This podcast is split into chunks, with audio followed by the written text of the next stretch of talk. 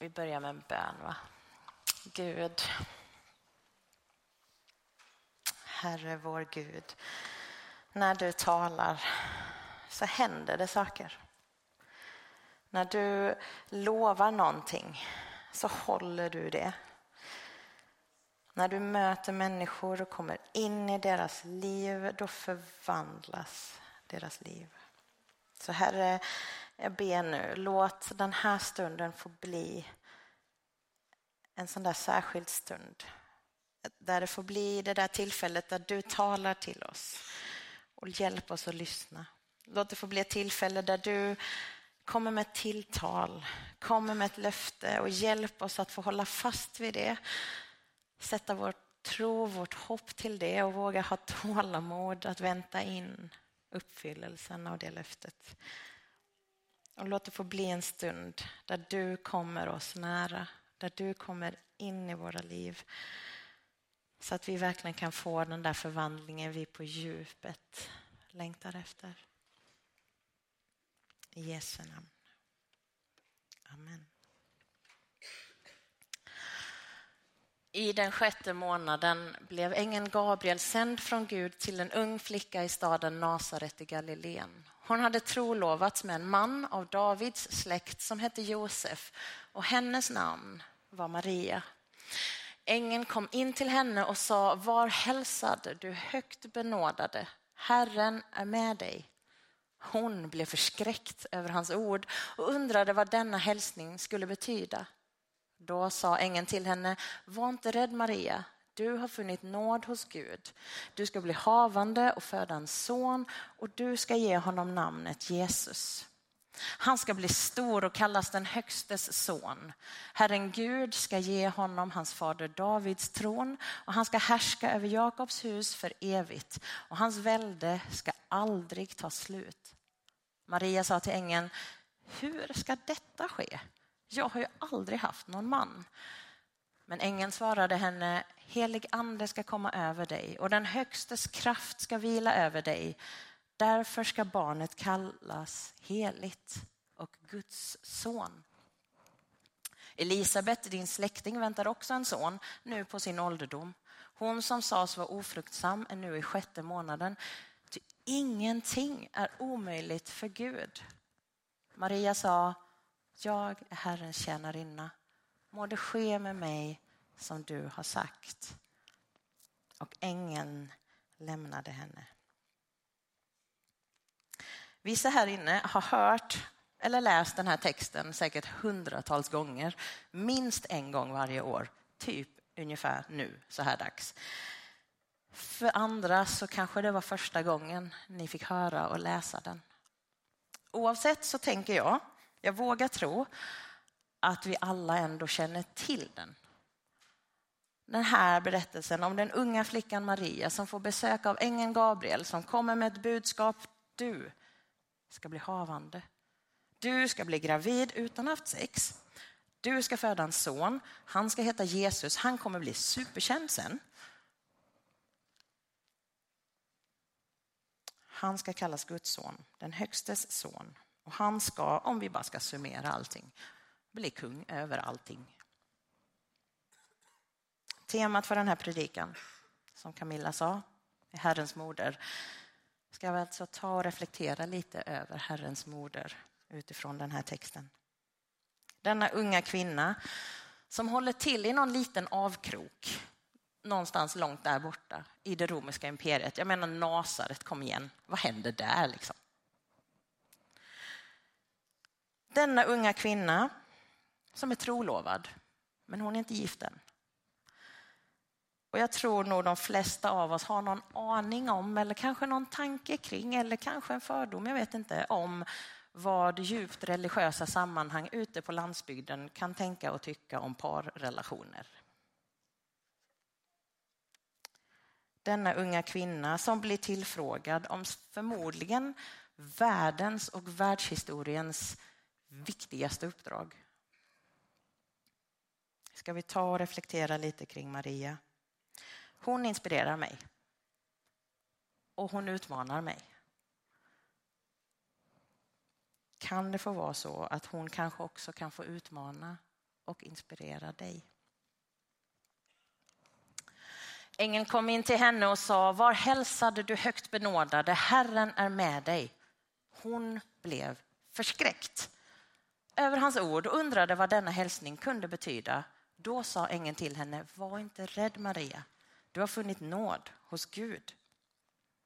I princip varje möte som står i Bibeln om där en människa får möta en ängel, då blir människan rädd för ängeln.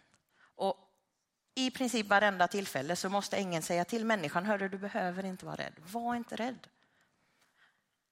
Min slutsats är att Maria är nog en ganska vanlig person ändå. Med en vanlig respons på saker som händer.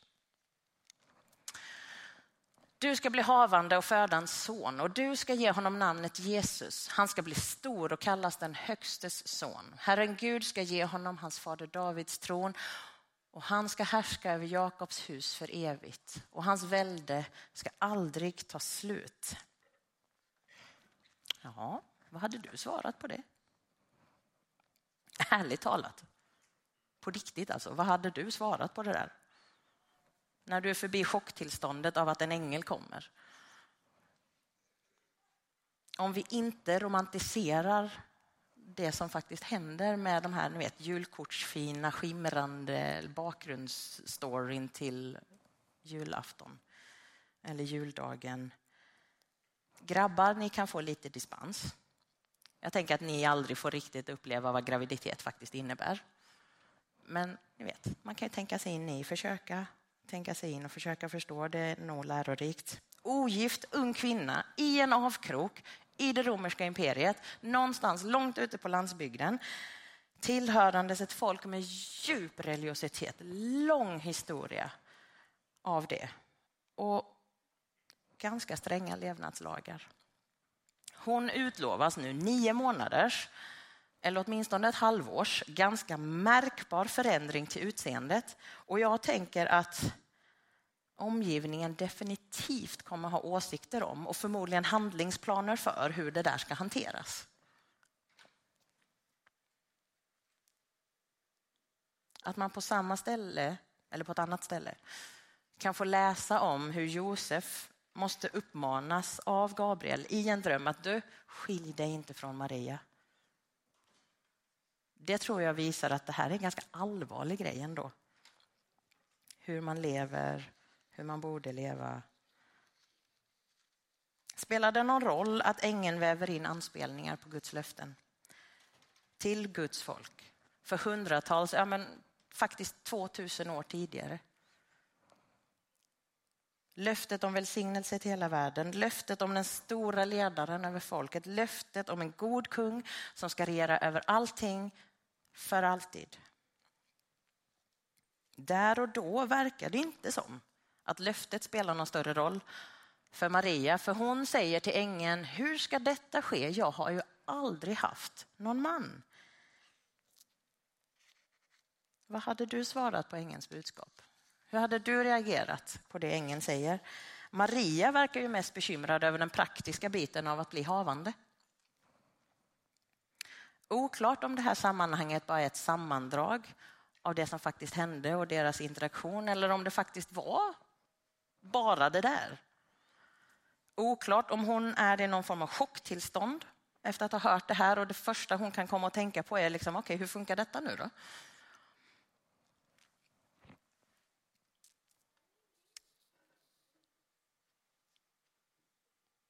Oavsett så upplever jag henne som väldigt konkret, väldigt jordnära, väldigt närvarande i stunden. Hon tar ju emot ett helt galet budskap och utlovas något som kommer få märkbara konsekvenser, inte liksom bara nu eller liksom en tid framåt i takt med att magen växer. Inte bara att snart springer det runt en liten unge runt hennes ben. Det här får konsekvenser långt in i evigheten. Men hon, hon är här och nu. Hon, det hon tänker på är här och nu. Jag ska bli havande och föda en son. Visst, han ska bli stor, han ska bli kung och han ska regera och wow. Men kan vi bara ta första steget först? hur är det tänkt att jag ska bli havande? Jag har aldrig haft någon. Kan vi bara klura ut detta första steget först, så tar vi allt det andra sen. Ängeln svarade henne, helig ande ska komma över dig och den högstes kraft ska vila över dig. Därför ska barnet kallas heligt och Guds son. Hur ska detta ske när jag inte haft någon man? Anden, Maria, den heliga anden. Anden ska komma över dig, den högstes kraft ska vila över dig. Inga storkar, inga blommor och bin, inga vetenskapliga förklaringar till möjlighet kring liksom eh, genetiska mutationer, biologiska processer. Ingen Josef, den högstes kraft genom den helige Ande. Anden Maria. Som i skapelsebegynnelsen, innan allting kom igång. Där står det ju så här. I begynnelsen skapade Gud himmel och jord. Jorden var öde och tom och mörker var över djupet och Guds ande svävade över vattnet. Gud sa var det ljus och det blev ljus. Och så sattes skapelseprocessen igång. Anden var över vattnet. Han fanns närvarande i skapelseprocessen. Eller som när vi för några veckor sedan i gudstjänsten här läste om David när han blev smord till kung. Vid det här smörjelsetillfället var han kanske inte så stor, men det han får vara med om sen är ju ganska stort. Eh, Goliat var stor. Hans regeringstid blev stor, landet blev stort, militära insatser och vinster var stora. Men han blir också den största och mest betydelsefulla kungen i Israels historia. Det står ju att Samuel tog då oljehornet och smorde honom mitt ibland hans bröder och Herrens ande föll över David och var sedan alltid med honom. Herrens ande föll över honom och var sedan alltid med honom. Anden föll över honom och där och då påbörjas den här kungalinjen som sträckte sig ja, men David, Salomo och så alla de här andra efter honom och till slut nådde den det här lilla barnet som ska få heta Jesus, som Maria ska få föda och ta hand om. För vad var det Gabriel sa? Herren Gud ska ge honom hans fader Davids tron. Anden kom över David och var sedan alltid med honom. Anden Maria, helig ande ska göra det. Eller som när Jesus döpts i vatten av kusinen Johannes döparen och kommer upp och så står det att när nu allt folket lät döpa sig och Jesus också hade blivit döpt och stod och bad öppnade sig himlen och den helige ande kom ner över honom i en duvas skepnad och en röst hördes från himlen. Du är min älskade son, du är min utvalde. Anden. Inför Jesus stora tjänst kommer anden över honom. Eller när Jesus ska ingjuta lite mod i lärjungaskaran inför sin bortgång. Då står det att han säger, jag ska be Fadern och han ska ge er en annan hjälpare som ska vara hos er för alltid. Sanningens ande. Anden Maria. Eller som när Jesus efter uppståndelsen och inför sin himmelsfärd samtalar med lärjungarna om det stora uppdraget som väntar dem. Att berätta för världen om honom. Men ni ska få kraft när den helige ande kommer över er och ni ska vittna om mig i Jerusalem och hela Judeen och Samarien och ända till jordens yttersta gräns. När den helige ande kommer över er. Hur ska detta ske? Jag som aldrig haft en man.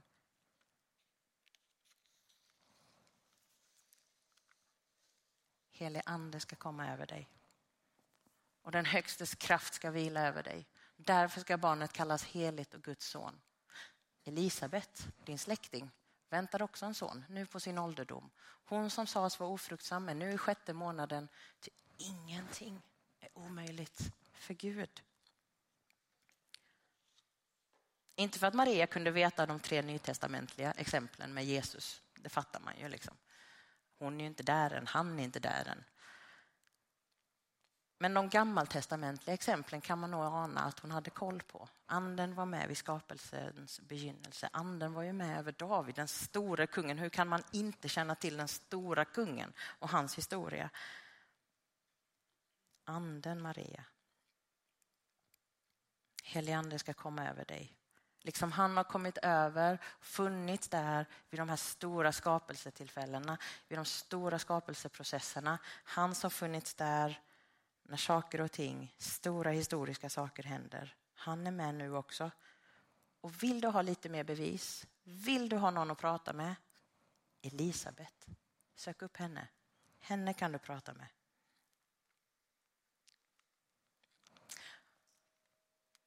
Vad hade hänt?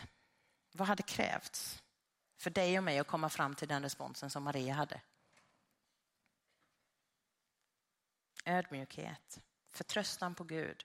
Tron på att oavsett vad som kommer möta henne, vad som än kommer anses om henne, vad som än kommer påtalas för henne, vad som än kommer föreslås för henne, vad som än kommer göras mot henne, vad som än kommer hända henne, så öppnar hon sitt liv för att ta emot Jesus.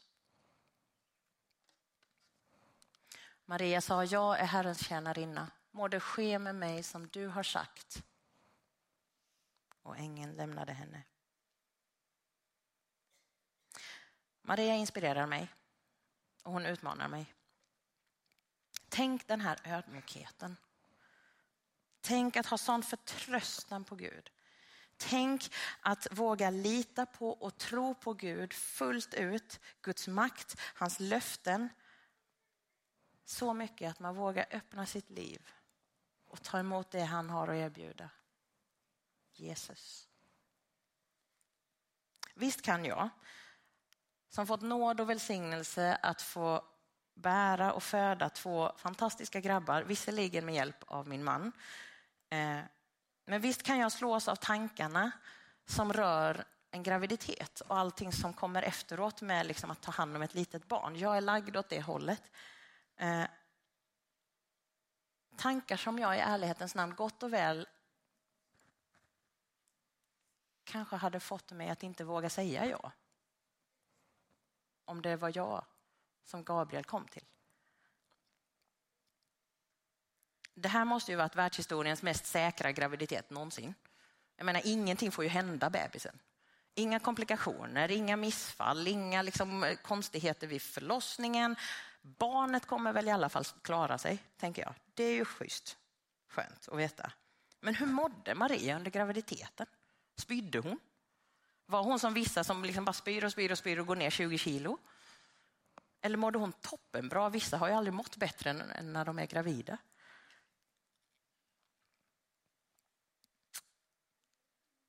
Hade hon foglossning? Hur hanterar man det på den tiden? Hur hanterar Josef eventuella du, tre kilo apelsin nu mitt i natten? Var det något sånt? Var hon och Josef helt lost vad gäller säkerhetsfrågan? Eh, för jag har funderat på varför sätter man sig på en åsna och rider tvärs igenom landet så nära in på förlossning? eller beräknad förlossning. Att skumpa där i flera dagar, det kanske hjälper verkarbetet, jag vet inte. Men jag menar, eller var Jesus bara för tidigt född? För jag menar, jag som gravid och har två, tre månader kvar får inte sätta mig på ett flygplan och flyga beroende på vilket flygbolag. Och då är ändå flyg statistiskt säkrare än bil. Här sitter hon på en åsna strax innan hon ska föda. Hur kändes det att se dörr efter dörr efter dörr stängas och inte hitta en värdig plats som höggravid att bara få sitta ner stilla där det inte skumpar, där det inte luktar stall. Och när vi ändå talar om stall, hur funkar det med förlossning inne i ett stall? Hur funkar det med hygienen i ett stall? Eh, och om nu härberget eller värdshuset eller vad det nu var, var fullt, så tänker jag att det var ganska fullparkerat av åsnor och kameler och andra transportmedel i det där stallet. Det måste vara trångt. När jag tänker tillbaka på infoträffen vi hade, jag gick på inför förlossning på sjukhuset här i Malmö.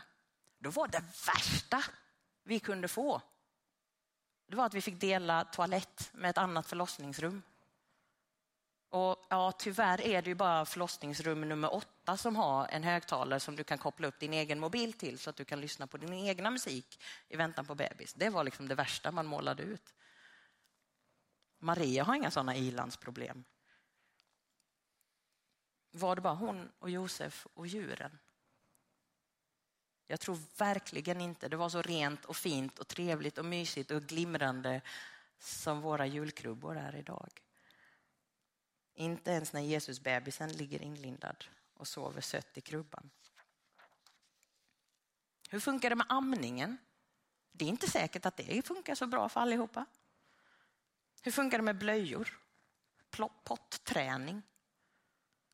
Och när man sen är på flykt mot Egypten och tillbaka, hur flyr man med ett spädbarn?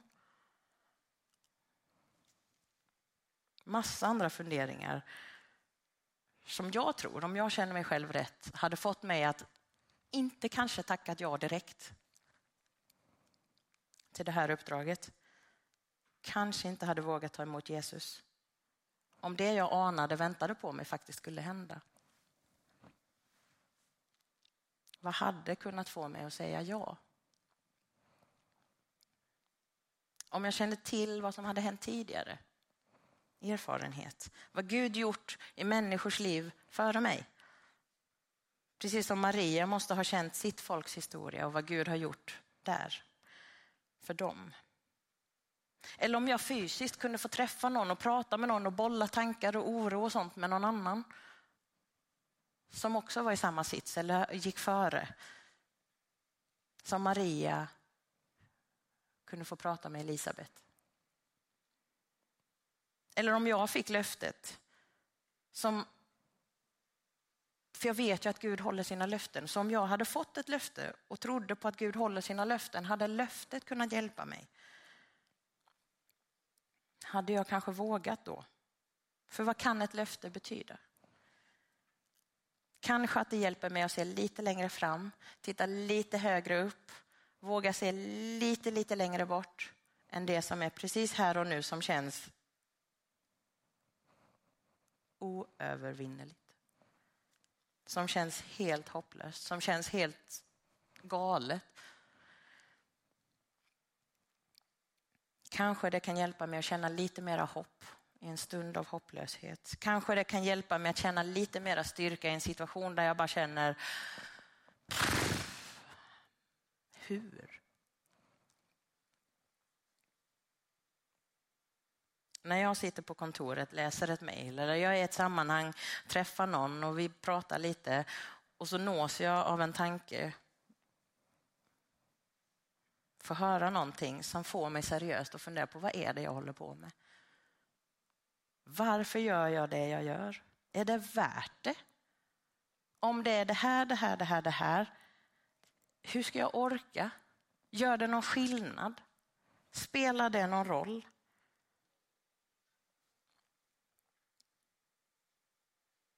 Men då också få bli påminn om Guds löften till mig. Tilltal som jag har fått från människor i olika sammanhang som har varit till mig. Eller när jag läst Guds ord och han har gjort den där versen och den där versen och den där berättelsen och det där sammanhanget så levande för mig att det har fått bli ett tilltal. Och upptäcker att oavsett hur mörkt och dystert och jobbigt det känns just nu så bär det löftet mig. Kan det vara så att löftet bar Maria genom alla de här potentiella åsikterna som kanske kom? Alla de sneda blickarna från grannarna. Kan det vara så att löftet bar Maria när hon skumpar runt på den där åsnan ett par dagar? Kan det vara så att löftet bar Maria genom förlossningen, genom flykten till Egypten? Kan det vara så att löftet framöver också fick bära henne när hon och Josef i panik springer runt i tre dagar och försöker hitta sin tolvårige son? Som tydligen sitter i templet och pratar med de skriftlärda. Kan det vara så att löftet framöver fick bära henne när hon såg sin son predika för folkmassorna, bota sjuka, driva ut onda andar, gräla och skälla ut de religiösa ledarna? Kan det vara så att löftet fick bära henne när hon fick se sin son släpa en del av sitt avrättningsverktyg genom stadens gator? Kan det vara så att löftet fick bära henne när hon troligtvis genom tårar, smärta, förtvivlan och allt vad jag inte ens vågar tänka just nu ser sin son hänga där på korset. Blodet rinnandes ner för kroppen. Andningen är smärtsam. Kan det vara så att löftet fick bära henne när hon till slut inser att han har dött. Kan det också vara så att löftet äntligen gick i uppfyllelse för henne när hon fick höra att graven är tom? Det är oklart om hon fick se honom personligen vid liv igen. Eh, men det står att lärjungen Johannes skulle ta hand om henne att hon bodde med lärjungen Johannes. Jesus på korset säger det till dem. Där är din mamma, där är din son. Och jag tänker att när det då också står att Johannes var en av dem som såg graven tom. Han var en av dem som såg Jesus uppstånden. Då kan det nog ha nått Maria också.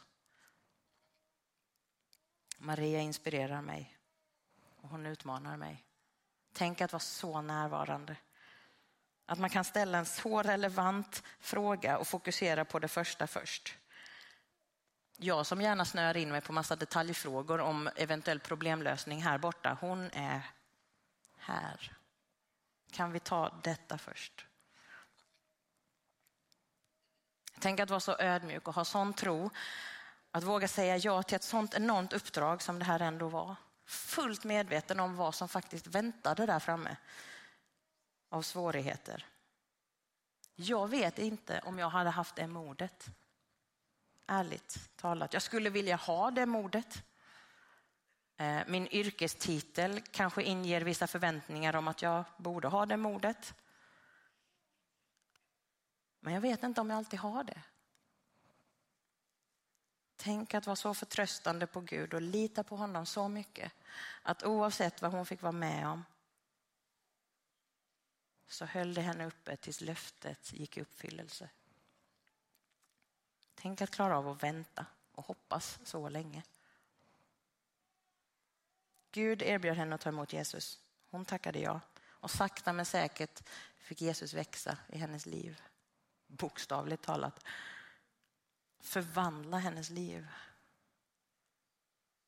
Och hon kunde ganska kort efter den här händelsen säga min själ prisar Herrens storhet. Min ande jublar över Gud, min frälsare. Han har vänt sin blick till sin ringa tjänarinna. Från denna stund ska alla släkten prisa mig salig. Stora ting låter den mäktige ske med mig. Hans namn är heligt salig, välsignad. Denna till synes helt vanliga unga tjej från den där avkroken någonstans i hörnet av romarriket.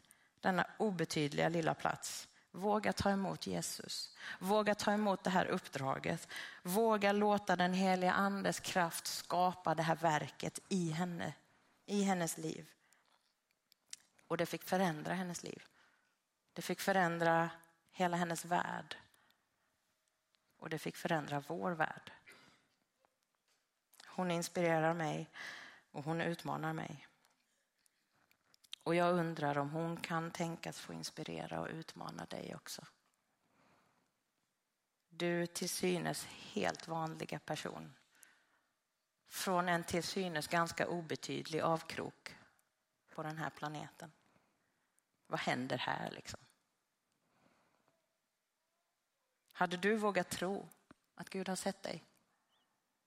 Hade du vågat tro att Gud har utvalt dig?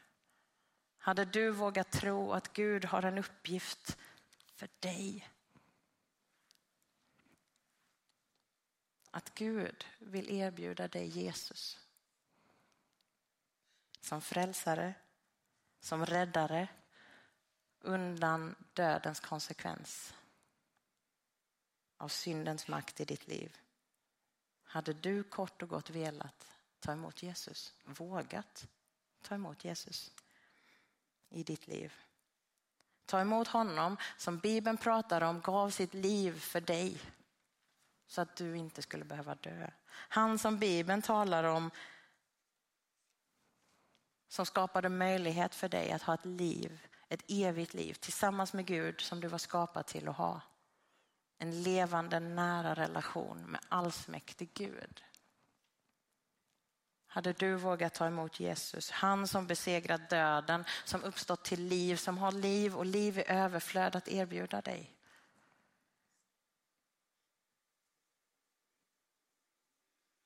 Hade du vågat ta emot Jesus och i den processen lita på det Bibeln säger att då får du också den helige Ande som fyller dig, som är din hjälpare, som är Guds kraft in i ditt liv. Att Guds verk sätts igång i ditt liv. Skap, någonting nytt skapas i dig. För du är frälst. Du har bjudit in Jesus i ditt liv. Du har tagit emot helig ande i ditt liv. Du har vågat tacka ja till det Gud har lagt framför dig.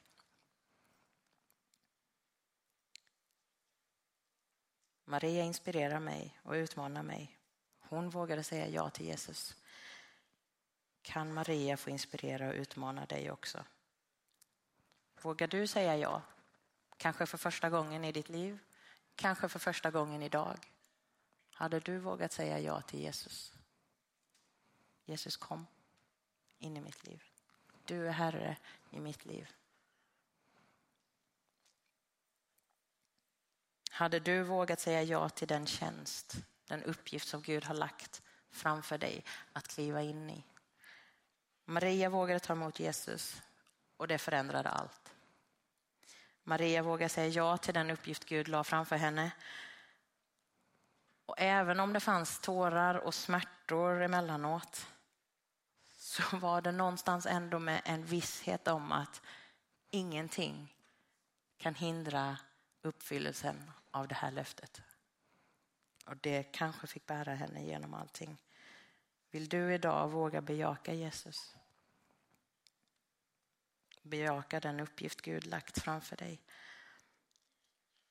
Jag kommer snart be för att runda av predikan. Efter bönen så kommer våra förbönsplatser på båda sidor vara öppna. Våra förebedjare står redo att be för dig, hjälpa dig och be för någonting som du känner ligger på ditt hjärta. Om det är en respons på den här predikan eller om det är någonting annat. De finns där för dig. Vi kommer också sjunga en sång tillsammans och efter det så blir det antingen jag eller Camilla som kommer upp. Och då kommer vi ställa frågan en gång till. För ibland måste man ha lite betänketid. Vågar du? Vill du ta emot Jesus idag? För första gången i ditt liv eller för första gången idag. Bjuda in honom att vara Herre, frälsare i ditt liv. Eller du har redan tagit det steget, okej. Okay. Vågar du säga ja till den uppgift som Gud har lagt framför dig? Du vet vad det är. Jag behöver inte säga det, jag behöver inte ge exempel. Är det så att Gud har lagt någonting framför, då vet du vad jag pratar om just nu. Kanske är det så att du behöver lite mod. Kanske är det så att du behöver tilltal från Gud, att Gud har sett dig. Gud har utvalt dig.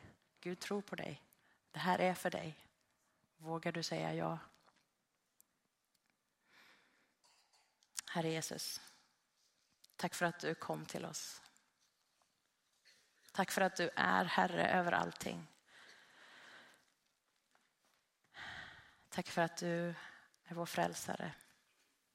Tack för att du som hade allt valde att lägga bort det för att komma ner och bli en av oss. Bli människa, födas som människa, leva som människa, genomgå allt möjligt som vi upplever och får genomgå.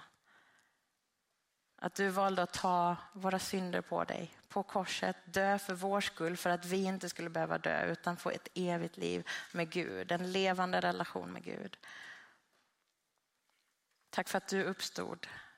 Du besegrade döden, du har liv och liv i överflöd att erbjuda. Och tack för att det ligger framför oss att få ta emot. Herre, den här stunden har vi inför dig nu. Jag tackar dig för att du ser var och en som just nu funderar på kanske vågar, kanske inte vågar säga ja till dig. Eller säga ja till den uppgift du har lagt framför dem. Gud, jag ber om tro som du lovar i ditt ord att du kommer med. Jag ber om en förtröstan. Jag ber om mod. Och jag tackar dig för att du är densamma igår och idag för evigt. Har du uppfyllt dina löften förr kommer du uppfylla dina löften nu och framöver. När du är mäktig och skapar något så fantastiskt förr så gör du det idag och du kommer göra det framöver. Herre, jag ber att du ska komma nära i den här stunden som följer nu. Gör ditt verk, Herre. I Jesu namn.